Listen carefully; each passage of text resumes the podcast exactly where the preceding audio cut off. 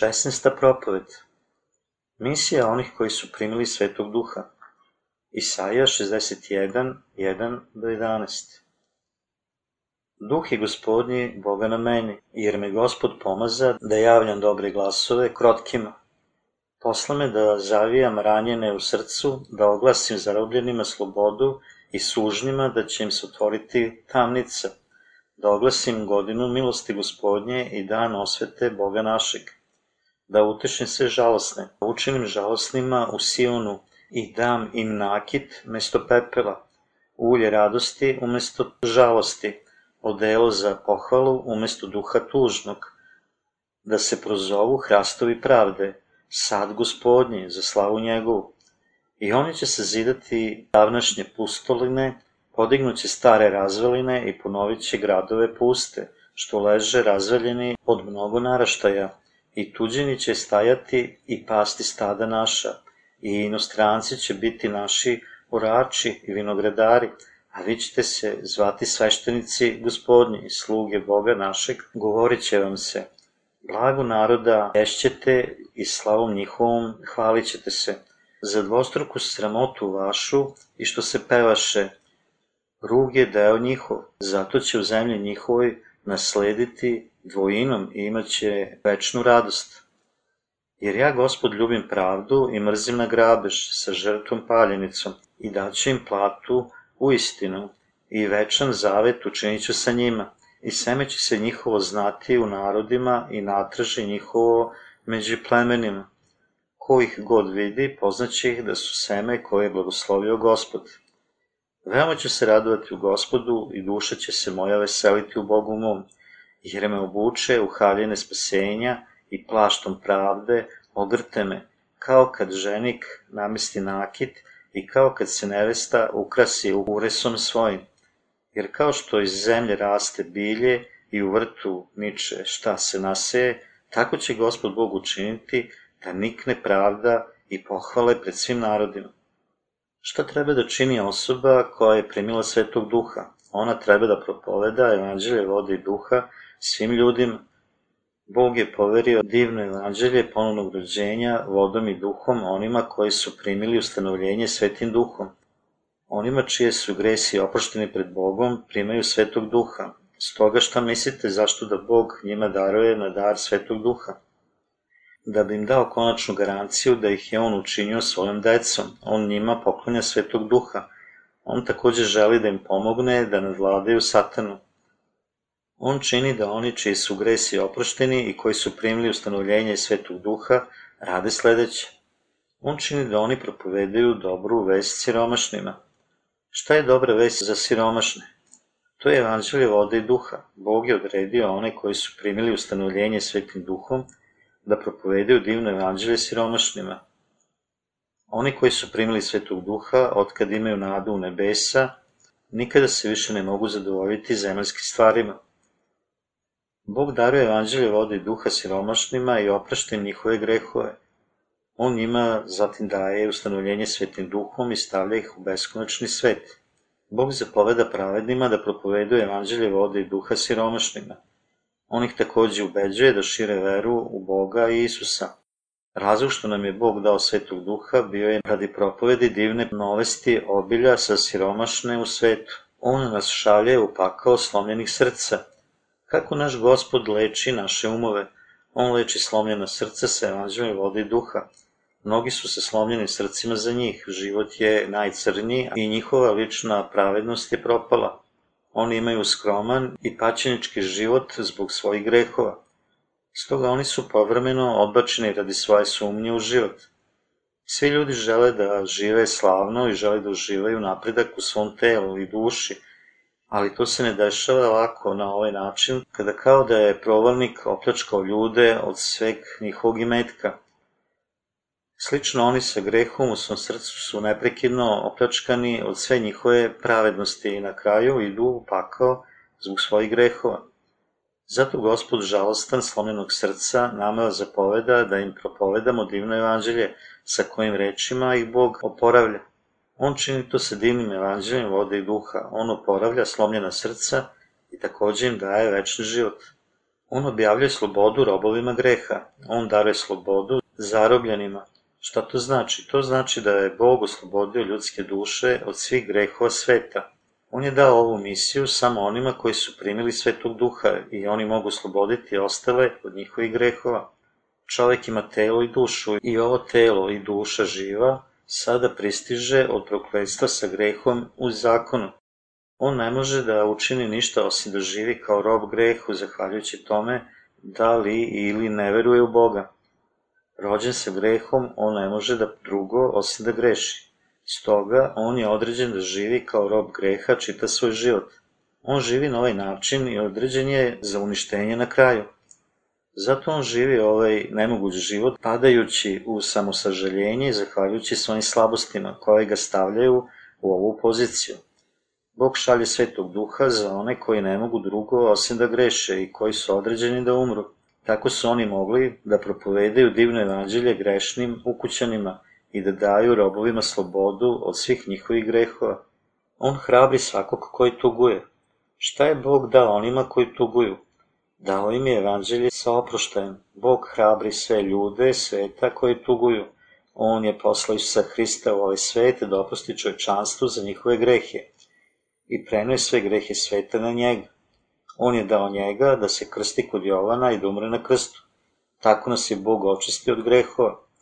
Stoga je Bog nas spasao od svih naših grehova u svetu. Naš gospod hrabri sve koji tuguju, obaveštavajući ih o divnom evanđelju vode i duha. Čineći tako, on blagosilja one koji pate od jedne nepotpune vere.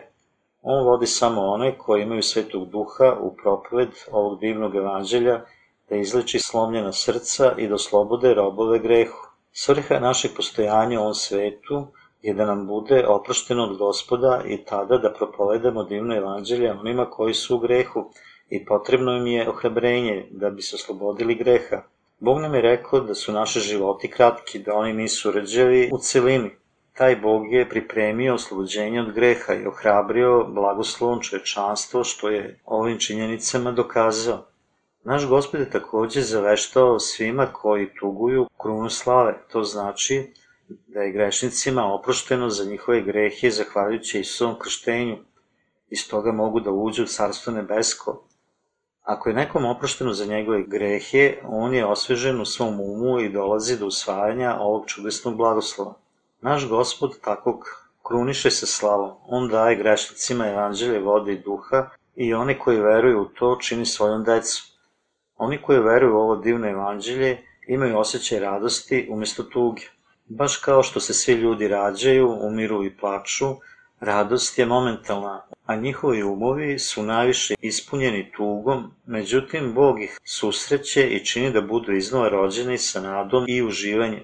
Slično oni koji su rođeni iznova, verom u divno evanđelje, žive novim životom i imaju novi posao. I više, oni su sposobni da čine šta Bog želi, a to je propovet evanđelja vodom i duhom svim grešnicima sveta, odvodeći svu tugu iz njihovih srdaca i umesto toga dopušta im da se raduju na svaki način uživanjem i srećom. Oni kojima je Bog oprostio njihove grehe, odaju mu u slavu. On je rekao pravednicima da propovedaju divno evanđelje. On im je rekao da propovede koji je on, šta nam njegovo evanđelje daje i koliko je slavno carstvo nebesko, koje je on pripremio za nas. Mi možemo videti slavu Božiju u onima kojima je on oprostio. Oni koji su tužni u svojim životima, pre nego što su se ispunili svetim duhom, sada uživaju u sreći. Oni koji su bili bačeni u greh, sada osjećaju zadovoljstvo slobode. I oni koji su živeli rđav život, sada žive pravednim životom. Oni svi jesu ocije slave Božije. Bogu pominje pravednike kao one koji će obnoviti staru ruinu, izgraditi prethodnu ruševinu i opraviti uništene gradove. Činjenično, ovo divno evanđelje vode i duha bilo je evanđelje propovedano od apostola u danima rane crkve. Isus je bio poslat na svet pre oko 2000 godina. Divno evanđelje vode i duha bilo je propovedano u ovom svetu do 300. godine naše ere. Evanđelje propovedano od pravednika danas je isto evanđelje sa svetim duhom koji su apostoli propovedali u to vreme. Međutim, u delima ranog četvrtog veka Rimskog carstva kada Rim čini hrišćanstvo državnom religijom i daje građanima slobodu religije, evanđelje Isuo krštenja bilo je potamnelo i postepeno nestalo. To je bilo nakon ovoga, kada hrišćanstvo kao uspostavljena religija postaje sve više i više povoljno, da su iščeznuli mnogi ljudi koji su propovedili istinsko evanđelje. Zato se vera onih koji su verovali i propovedili istinsko hrišćanstvo i istinsko evanđelje izmenila. Nakon što je hrišćanstvo postalo državna religija Rimskog carstva, hrišćani su postali slobodni od različitih zabrana i došlo je do uživanja istih privilegija kao kod rimskih građana. Hrišćani su tada bili u mogućnosti da se žene gospođama iz Rima i takođe su mogli da uđu u državne službe. Zbog ovih privilegija njihova vera bila je ograničena verom u vaskrsenje na upravo takvu religiju. Od tada divno evanđelje vode i duha nestaje i umanjuje se radi svetovnih hrišćana koji počinju da bujaju. Bog je nama, poslednjim hrišćanima, zapovedio u vreme svoje prisutnosti da se vratimo u propovedi divnog evanđelja vode i duha koje je bilo urušeno dugo vremena i da se tako spase čovečanstvo od svojih grehova. On će živeti divno evanđelje vode i duha koje je bilo propovedano u dane apostola. Evanđelje u dane apostola je bilo divno evanđelje Isuo krštenja i njegove krvi na krstu. On nas naziva ljudima koji popravljaju razrušene gradove. On čini da učimo i verujemo u evanđelje vodi duha i čini nas radnicima svog vinograda. Bog nam je dao istu misiju koju je on obavljao kroz apostole. On je učinio da ti i ja propovedamo ovo originalno evanđelje vodi duha. Duh gospoda Boga je nadamnom, jer gospod je mene obavezao da propovedam dobre vesti siromašnima. Bog je učinio da oni koji su već primili svetog duha propovedu evanđelje i nama je dao svetog duha. Bog nas je krunisao sa cvećem, otklonio svu tugu i stavio odeću slave na nas da sa oduševljenjem uživa u nama. Oni koji imaju svetog duha u svojim srcima seju seme ovim divnim evanđeljem za druge da bi primili njega. Tada će oni takođe prihvatiti evanđelje dato našim gospodom, oproštenje i na kraju primiti svetog duha. Mi ćemo postati Boži radnici, vi i ja smo blagosloveni sa slavom Carstva Nebeskog. Međutim, Bog čini one koji ne žele svetog duha slepima, tako da oni ne mogu znati, videti ili shvatiti ovo divno evanđelje. Oni će možda biti sposobni da učine da drugi veruju Isusa samo po imenu, ali nikad neće učiniti da oni prime svetog duha. Gospod je učinio sledeće stvari kroz one koji imaju svetog duha.